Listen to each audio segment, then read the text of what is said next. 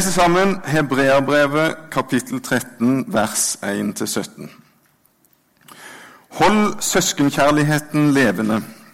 Glem ikke å være gjestfrie, for på den måten har noen hatt engler som gjester uten å vite det. Husk på dem som sitter i fengsel, som om dere var lenket sammen med dem, og husk på dem som blir mishandlet, som om det gjaldt deres egen kropp. La ekteskapet holdes i ære av alle, og la ektesengen bevares ren. For Gud vil dømme dem som driver hor eller bryter ekteskapet. La ikke kjærligheten til penger styre livet, men nøy dere med det dere har. For Gud har sagt, 'Jeg slipper deg ikke og svikter deg ikke'. Derfor kan vi tillitsfullt si, 'Herren er min hjelper, jeg frykter ikke'. Hva kan et menneske gjøre meg? Glem ikke deres ledere, de som talte Guds ord til dere. Tenk på deres liv og utgangen det fikk, eh, og ta deres tro til forbilde.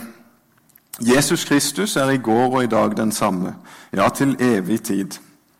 La dere ikke rive med av alle slags fremmede lærdommer. Det er godt at hjertet blir styrket ved nåden, ikke ved bestemte slag mat, for de som følger slike regler, har aldri hatt nytte av det. Vi har ett alter, og de som gjør tjeneste i møteteltet, har ikke rett til å spise fra det. Øverste presten bærer blodet av offerdyrene inn i helligdommen til soning for synd, men kroppene blir brent opp utenfor leiren. Derfor led også Jesus utenfor porten for å hellige folket ved sitt eget blod. Så la oss gå ut til ham utenfor leiren og bære hans vanære. For her på jorden har vi ingen by som består. Vi lengter etter den som skal komme. La oss da ved ham stadig bære fram for Gud vår lovprisning som offer, dvs. Si, frukten av lepper som bekjenner hans navn. Men glem ikke å gjøre godt og dele med andre, for slike offer er etter Guds vilje. Vær lydige mot deres ledere og retter etter dem, for de våker over sjelene deres og skal en gang avlegge regnskap. Sørg for at de kan gjøre det med glede uten å sukke. Ellers blir det ikke til gagn for dere. Lang tekst, mange ord. Og nå kan det være at eh, du sitter og har fått et spesielt ord som du eh, hengte deg opp i, som du kanskje opplevde at eh, Gud pekte på for deg, eller Kanskje det er noe som du lurer på? Den setningen som eh, eh jeg har gått og grubla og tenkt mye på etter å ha lest denne teksten mange ganger, det er eh, i vers 9. Det er godt at hjertet blir styrket ved nåden. Det er godt at hjertet blir styrket ved nåden. Før vi begynner å snakke om søskenkjærlighet og de tingene som det står en del om først i kapitlet, så hadde jeg lyst til at vi skulle snakke litt om det. Hva er det for noe, det her? Å la hjertet bli styrket av nåden, hva betyr det? Og hva kan det bety for deg? De ordene her ble skrevet til kristne som hadde jødebakgrunn. Eh, og For mange av dem så var et stort spørsmål hvordan de skulle forholde seg til ofringene.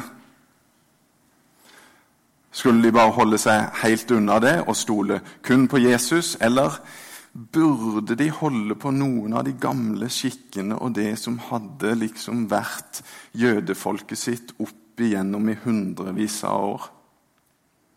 Det er til sånne hebreerbrevet er skrevet.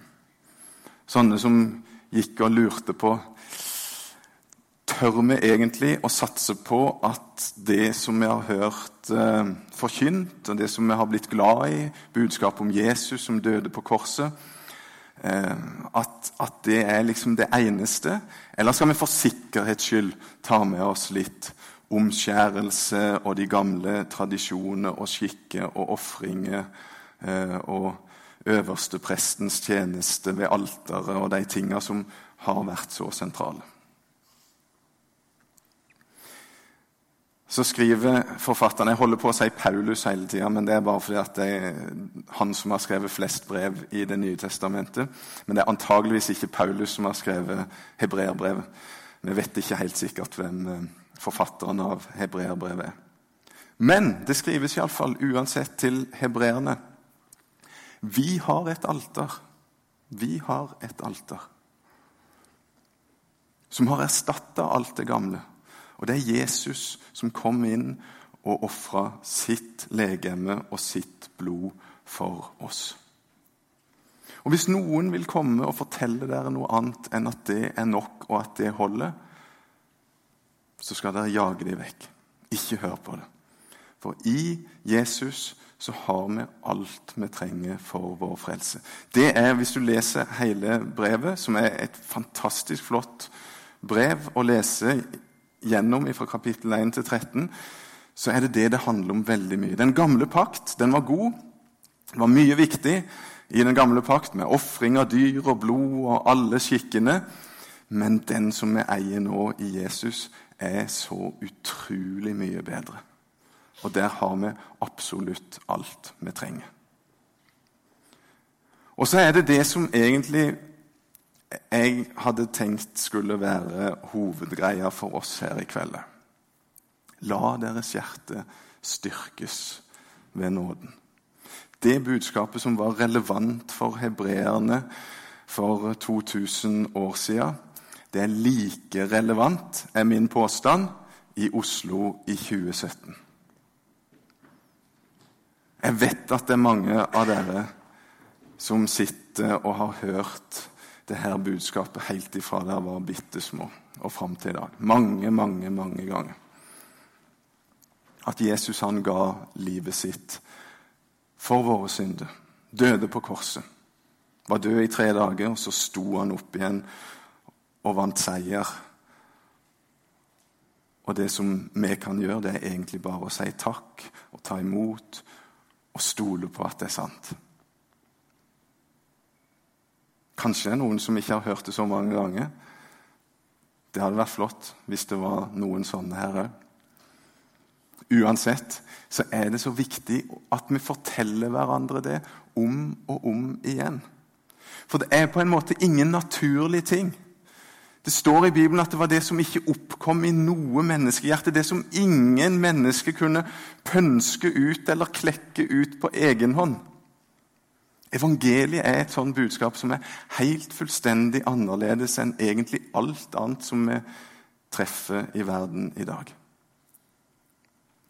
Derfor så trenger vi å forkynne for hverandre, fortelle til hverandre at Jesus han døde for våre synder. Han var død i tre dager. Døden kunne ikke holde på han. Gud reiste han opp ifra de døde.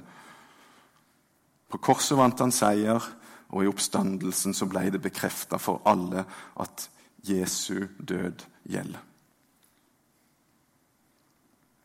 Ikke hør på de som vil fortelle at det er andre ting som gjelder, blir hebreerne fortalt. Og Det har jeg lyst til å fortelle dere i dag òg.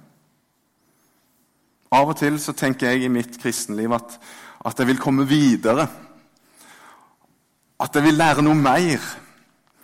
At jeg på en måte vil, vil utvikle meg som kristen og, og liksom vekk fra den enkle barnelærdommen.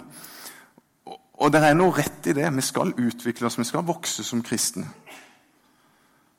Men gang på gang så trenger vi å komme tilbake til og minnes på det helt enkle og sentrale budskapet som handler om Jesu blod, som rant for deg. Luther det er 500-årsjubileum i år for eh, reformasjonen. Og Luther han forteller om det salige byttet som skjer når vi får ta imot det som Jesus har gjort for oss. Da blir det faktisk sånn at, at eh, mitt liv, med mine fall og nederlag, med min synd, blir lagt på Jesus. og Han gjør opp, og han soner, og han betaler for alt sammen. Og Jesu perfekte, fullkomne liv og hans seier, det blir mitt. Sånn at jeg kan stå framfor Gud og være fullkommen feilfri. og passe perfekt inn i hans himmel, som han har skapt for alle oss som tror. Skal samles hos han en gang. Har du lyst til å bli en sterk kristen? Da skal du lytte nøye til det budskapet der, og så skal du be om at Gud må styrke deg ved sin nåde. La da hjertene styrkes ved nåden.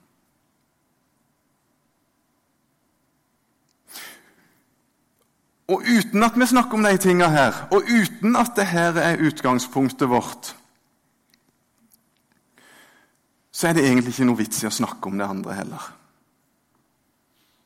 Det er liksom helt sentrale i det budskapet her i Hebreabrevet 13.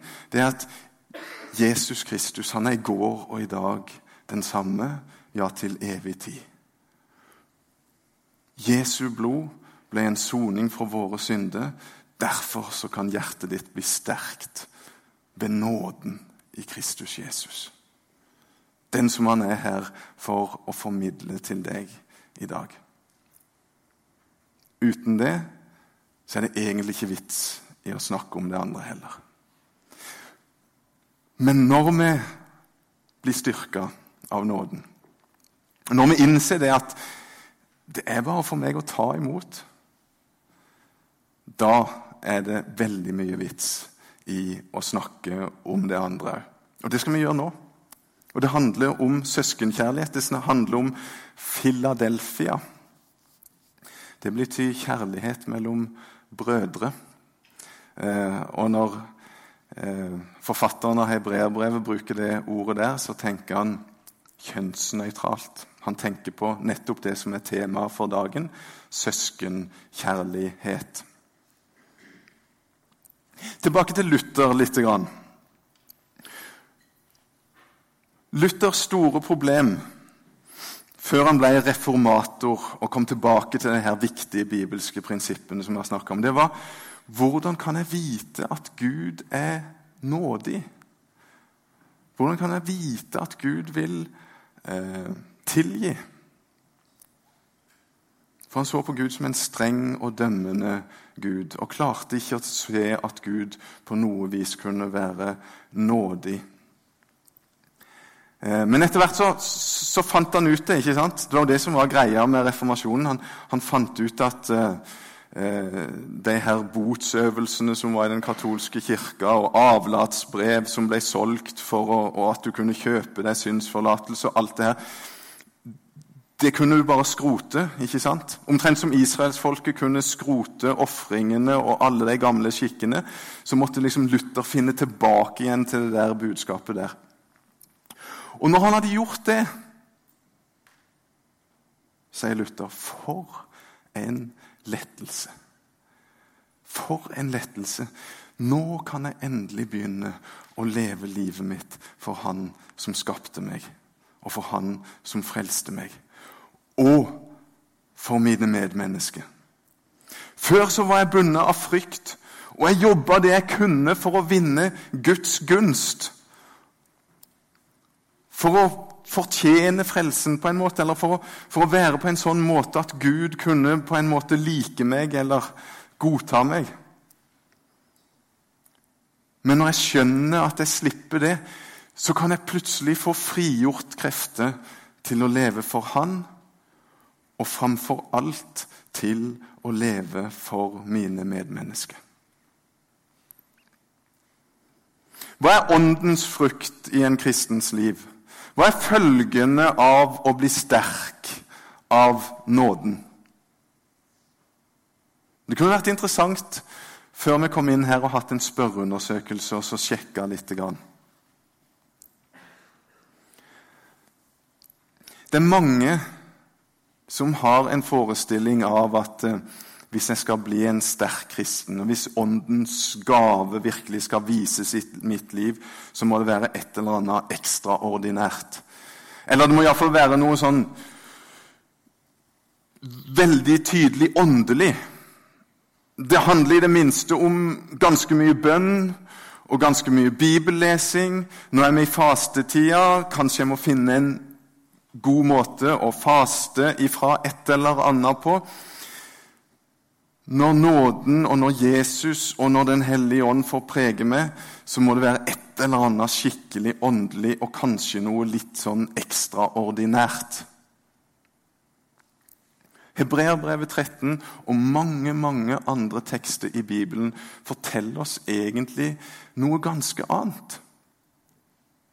Den som har blitt styrka av nåden, den som har fått se hvem Jesus virkelig er, og tatt imot han som, som, frelser og som herre i livet, den som ønsker å følge etter Jesus og være en disippel, blir opptatt av sine medmennesker.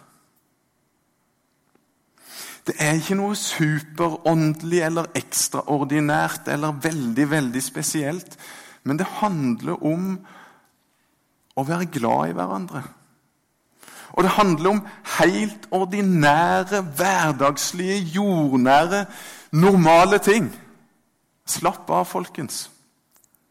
Gud han krever ikke noe ekstraordinære øvelse. Gud han er, for, er, på en måte ikke veldig interessert i hvor mye du leser i Bibelen, eller hvor mye du ber, eller om du er flink til å faste. Alle de tingene er gode ting. Jeg må jo selvfølgelig si det. ikke sant? Dere vet det. Alt er godt. Jeg, jeg, vil ikke advare noen fra å lese Bibelen, fra å be eller fra å faste eller gjøre noen av de tingene. Jeg tror det er godt, jeg tror det er nødvendig for en kristen. Men hva er det som først og fremst nevnes i Bibelen som frukter av troen? Jo, det er det at du ser dine medmennesker. At du elsker deg som deg sjøl. Og at trua får konkrete, praktiske følger i møte med dine medmennesker. Hva var det vi las? Hold søskenkjærligheten levende. Ja, hva vil det si? Jo, glem ikke å være gjestfrie. For på den måten har noen hatt engler som gjester uten å vite det. Husk på å være gjestfrie. Mot hverandre, dere som er en del av misjonssalen. La det ikke være prega av um,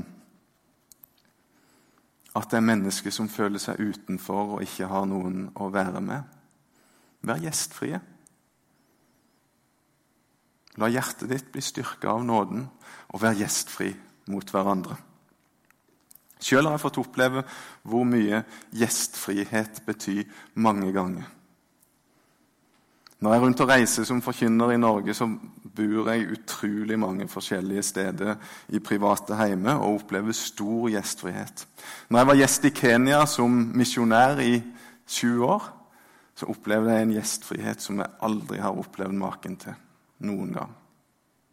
Jeg ble bedt inn i hus der folk knapt hadde mat, og der de bøy fram og nøda meg til å drikke den koppen med te eller spise den kokosnøtta eller hva det var de hadde liggende av litt grann mat. En enorm gjestfrihet. Og De fleste av de som inviterte meg inn i husene sine og viste stor kjærlighet og gjestfrihet, var muslimer. Og et muslimsk område som vi bodde i. Hvordan kan vi vise hverandre og menneskene i byen vi bor i, gjestfrihet. Det er ganske konkret og praktisk, det som blir undervist her. Husk på dem som sitter i fengsel, som om dere var lenket sammen med dem. Og husk på dem som blir mishandlet, som om det gjaldt deres egen kropp. Helt konkrete råd som forfatteren av hebreerbrevet gir Husk på de som sitter i fengsel. Og Da tenker han nok først og fremst på de som er fengsla for sin tru. For de som lider for trua sin skyld.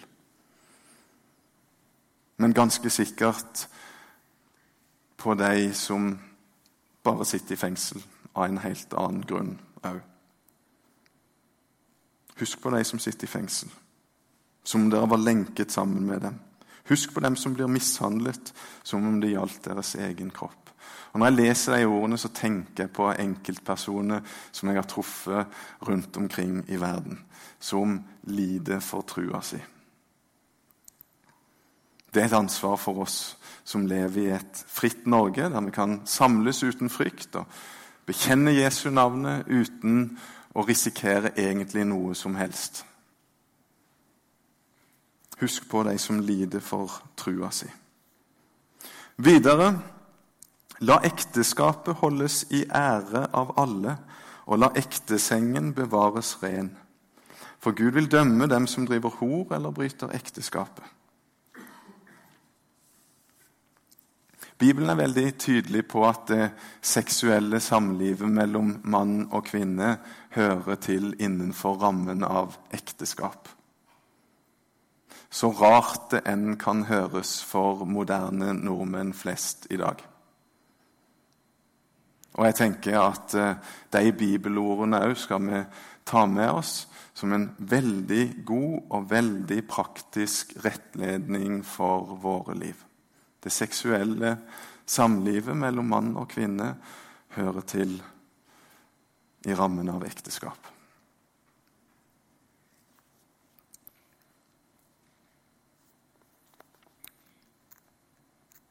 Og videre La ikke kjærlighet til penger styre livet, men nøy dere med det dere har. La ikke kjærlighet til penger styre livet. Det er ganske praktisk og jordnært.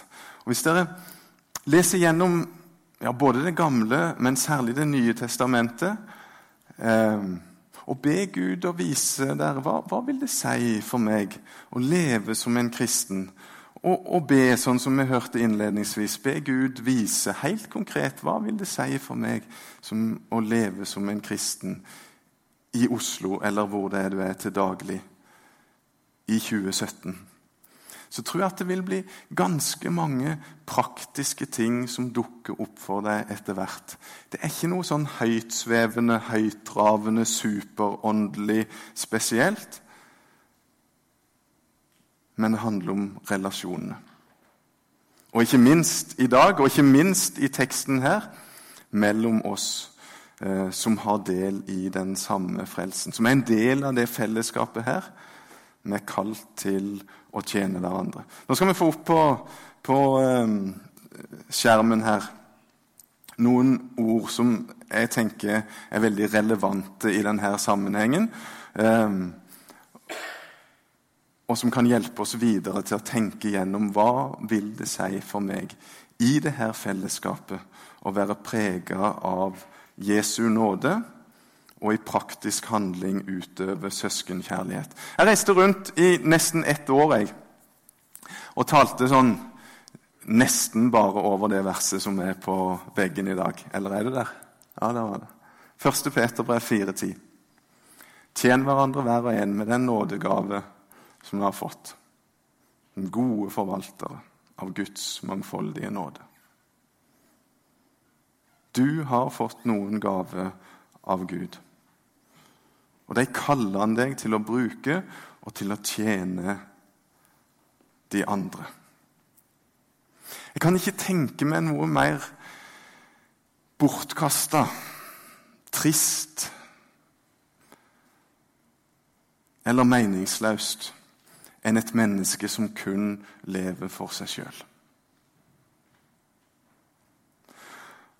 Og jeg kan ikke tenke meg noe mer utfordrende og noe mer berikende og noe større enn å få leve for andre. Og tenk at de gaver som Gud har gitt meg, de skal jeg få tjene med i et fellesskap og helt konkret tjene mine medmennesker med. Og be Gud om å vise hva er det du vil at jeg skal gjøre for andre. Hverandre Nå kan vi ta neste bilde. Det er et veldig, veldig eh, eh sentralt begrep i Det nye testamentet. Og Her har jeg samla ei liste på denne sida og neste som handler litt om, om eh, hva det vil si å leve ut søskenkjærligheten. Elske hverandre og tilgi hverandre. I stedet for å gå og bære nag og irritere seg på hverandre, så kan vi få be for hverandre, og så kan vi tilgi hverandre. Bare en liten parentes når det gjelder å tilgi hverandre.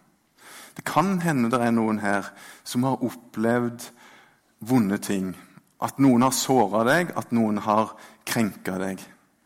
På en sånn måte at det er vanskelig å tilgi. Og Da skal du ikke la de orda som står i Bibelen, og som forkynnere sier, og som bibeltimeholdere underviser om det, det, er ingen som kan presses til å tilgi noen andre. Og Hvis du har opplevd ting, at mennesker har såra deg eller krenka deg, så skal du gå og snakke med noen om det, og så skal du vite at det, det er ingen som presses til å tilgi andre.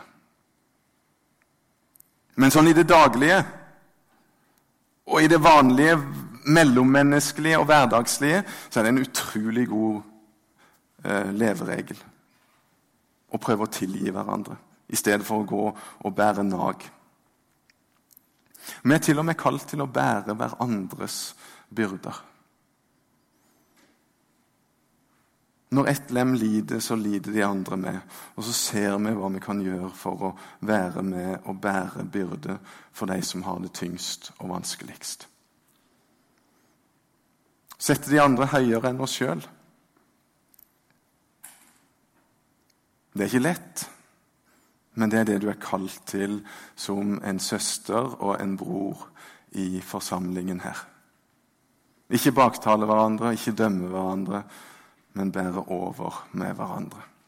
Det fortsetter på neste side, skal vi se. Være gode, snakke sant. Oppmuntre og oppbygge. Trøst og sett mot i hverandre. Ha omsorg. Oppglød hverandre til kjærlighet og til gode gjerninger. Det letteste i verden i en sånn forsamling som det her, det er å gå og kritisere alt og alle. Jeg trives ikke her, jeg finner meg ikke til rette, det er kjedelig, det er kjipt, eller, eller det er for uh, mye musikk, eller for lite musikk, eller for et eller annet. Du finner alltid et eller annet å kritisere, sant? hvis du bare vil. Og Det går veldig lett an å gå og irritere seg på alle andre som, som oppfører seg teit eller ikke har skjønt hva det dreier seg om, eller som du av en eller annen grunn irriterer deg over. Men jeg tror ikke det er det Gud har kalt deg til i den forsamlingen her. Jeg tror han kaller deg til å være noe for de andre. Jeg tror han kaller deg til å oppmuntre, til å vise kjærlighet, til å gjøre gode gjerninger, til å tilgi og alle de tinga som vi har sett. Les igjennom Det nye testamentet. Hva er åndens gave? Hva er åndens frukter? Hva er følgene av trua til apostlene? Du vil bli overraska. Det dreier seg mye om de tingene som vi har snakka om nå. Praktiske, hverdagslige, jordnære ting som vi kan få gjøre mot hverandre. Gud er kjærlighet. Han elsker oss med en uendelig kjærlighet. Og han ønsker at det er det som helt konkret skal prege fellesskapene våre. Det er noe som eh, Gud vil gi oss når han styrker hjertet vårt med sin nåde. Og det er noe som det er lov å jobbe med bevisst. Dag for dag. For oss sjøl og i fellesskap. Hvordan kan vi utvikle et fellesskap som er best mulig? Og hvordan kan jeg være en som preger det fellesskapet på en best mulig måte? Skal vi se den neste eh, teksten. Dette er en beskrivelse av første, noen av de første kristne i veldig eh, tidlig tid. Eh, en beskrivelse som, som sier noe om hvordan det kristne fellesskapet så ut utenfra. De gifter seg som alle andre når de får barn, men de ødelegger ikke avkommet. De deler felles måltid, men ikke felles seng. De lever i kjøtt og blod, men de lever ikke etter kjødet. De tilbringer dagene på jorden, men de er borgere av himmelen. De bøyer seg for de fastsatte lover, samtidig som de tøyer naturloven. De elsker alle mennesker, og alle andre forfølger dem. De er ukjente og foraktede. De blir dømt til døden og blir født på ny. De er fattige, men gjør andre rike. Og så avslutninga. De mangler alt og har likevel overflod i alle ting. Jødene angriper dem og kaller dem barbarer. Grekerne forfølger dem. Likevel er ikke de som hater dem, i stand til å gi en god forklaring på hvorfor de nærer dette hatet. En litt rar beskrivelse av eh, de første kristne fra en som kikka inn fra utsida og betrakta dem.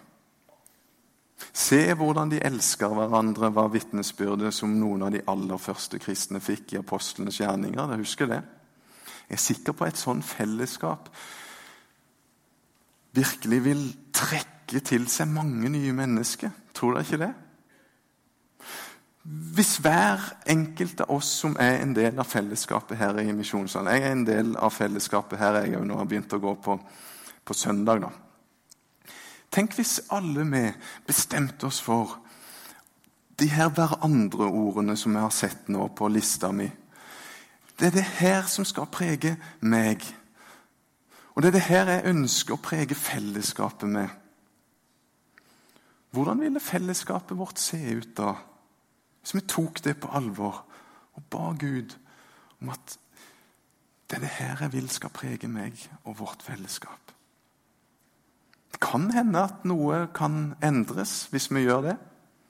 Kan hende det blir et mer levende fellesskap der enda flere føler seg hjemme. Noe av det tristeste jeg hører, i tillegg til når mennesket bare lever for seg sjøl, det er når jeg hører om, om kristne som hører til i en menighet eller forsamling, og så når de møter motgang eller motstand eller trøblete ting i livet sitt, så holder de seg borte fra forsamlingen. Det er liksom som den byrden, enten det er en sykdom, skilsmisse, mista jobben, gjort det dårlig på eksamen, et eller annet så velger de å holde seg borte fra forsamlinga. For, for, det vonde blir enda vondere, og det tunge blir enda tyngre når de kommer i forsamlingen. Det er noe av det aller tristeste jeg hører. Og motsatt noe av det vakreste, flotteste, beste som finnes. Det er når vi kan komme i fellesskapet med våre ting som vi sliter med angst eller sykdom, nederlag eller fall i synd, kan komme i fellesskap og kjenne at her får jeg styrke, her er det godt å være. Her er det folk som vil meg vel. Her er det folk som oppmuntrer meg. Her kan vi tilgi hverandre og be for hverandre, bære byrdene for hverandre. Det er lite som er vakrere. Og det er lite som er mer nyttig for et menneske enn å få være en del av et sånt fellesskap.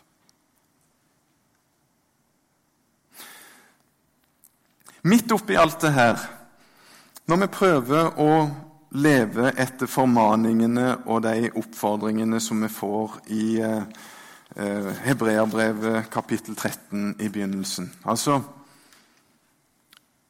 La søskenkjærligheten leve. Vis gjestfrihet. Hold ekteskapet. La ikke pengekjærligheten få, få råde, og alle de tingene der. Og så I tillegg den der lange lista som jeg viste med sånne hverandre-ting. da, ikke sant? Be for hverandre, tilgi hverandre, oppmuntre hverandre og, og alt sammen. I den prosessen, når du når du jobber med de tinga der, så håper jeg og tror jeg du vil oppleve det som skrives her. Gud har sagt, 'Jeg svikter deg ikke og forlater deg ikke'. Derfor kan vi tillitsfullt si, 'Herren er min hjelper. Jeg frykter ikke. Hva kan mennesker gjøre meg?' Jeg tror det er en veldig god prosess å gå inn i det der og si til Gud og si til hverandre la oss, la oss ta det her på alvor. La oss leve etter det. Så I den prosessen så, så er jeg helt overbevist om at du vil få kjenne enda sterkere at du er helt fullstendig avhengig av Gud og den nåden som han viser i Jesus. Og Jeg er helt overbevist om at du vil få erfare og oppleve at han svikter ikke. Han slipper deg ikke. Du kan stole på han.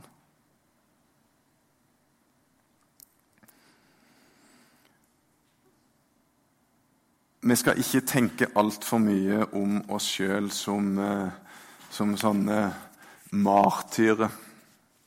At verden ikke forstår oss, og verden hater oss. No, noe av det så kan det nok være du opplever, du som ønsker å være en kristen og, og, og stå for noe av det vi har snakka om i dag.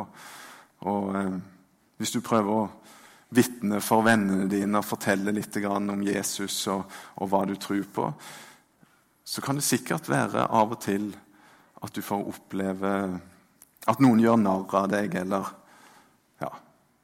Og i samfunnet sånn generelt så er jeg helt overbevist om at i tida framover så vil vi oppleve at, at verdiene fra Bibelen eh, Måten å leve på som Bibelen skisserer, de tinga som er viktige for meg, for oss som kristne som vil være Jesu disipler. Det kommer, å, det kommer til å bli enda større avstand mellom de bibelske verdiene og det som er verdiene til gjennomsnittsmennesket i Europa og i Norge. Så det kan være at vi må forberede oss på at vi vil bli enda mer misforstått og enda mer gjort narr av på en måte enn eh, det vi allerede er. Eh, som sagt, jeg tror ikke det er noen av oss som tjener på å stille oss i en sånn offerrolle og snakke altfor mye om det sånn eh, eh, utad. Men helt til slutt så hadde jeg lyst til å, å minne om det som, eh, som eh, hebreerne blir minnet om òg. At det kan gå an for oss eh, å få bære Jesu vanære. Han opplevde den ultimate skam når han ble hengt på korset, til spott og spe for alle. Så kan det være av og til at vi opplever at det er tøft å være en Jesu disippel. Det er en ære å få være en av de som kan bære Jesu vanære. Det går an å glede seg hvis vi opplever det. Noen av de gladeste menneskene jeg har opplevd, det er mennesker som har opplevd forfølgelse og tøffe tider. Tenk for en ære å få del i Jesu vanære. Og tenk, kjære venner, på det løftet vi har over livene våre. Alle vi som lar oss styrke av Hans nåde. Her på jorden har vi ingen by som består. Vi lengter etter den som skal komme.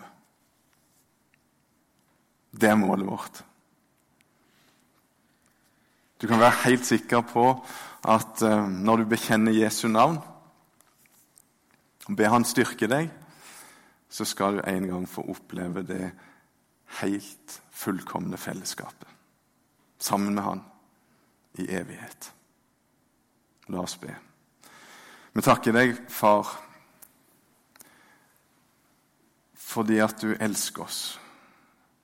Vi takker deg for at du vil styrke hjertene våre med din nåde. Og vi ber om at vi må få oppleve det, far.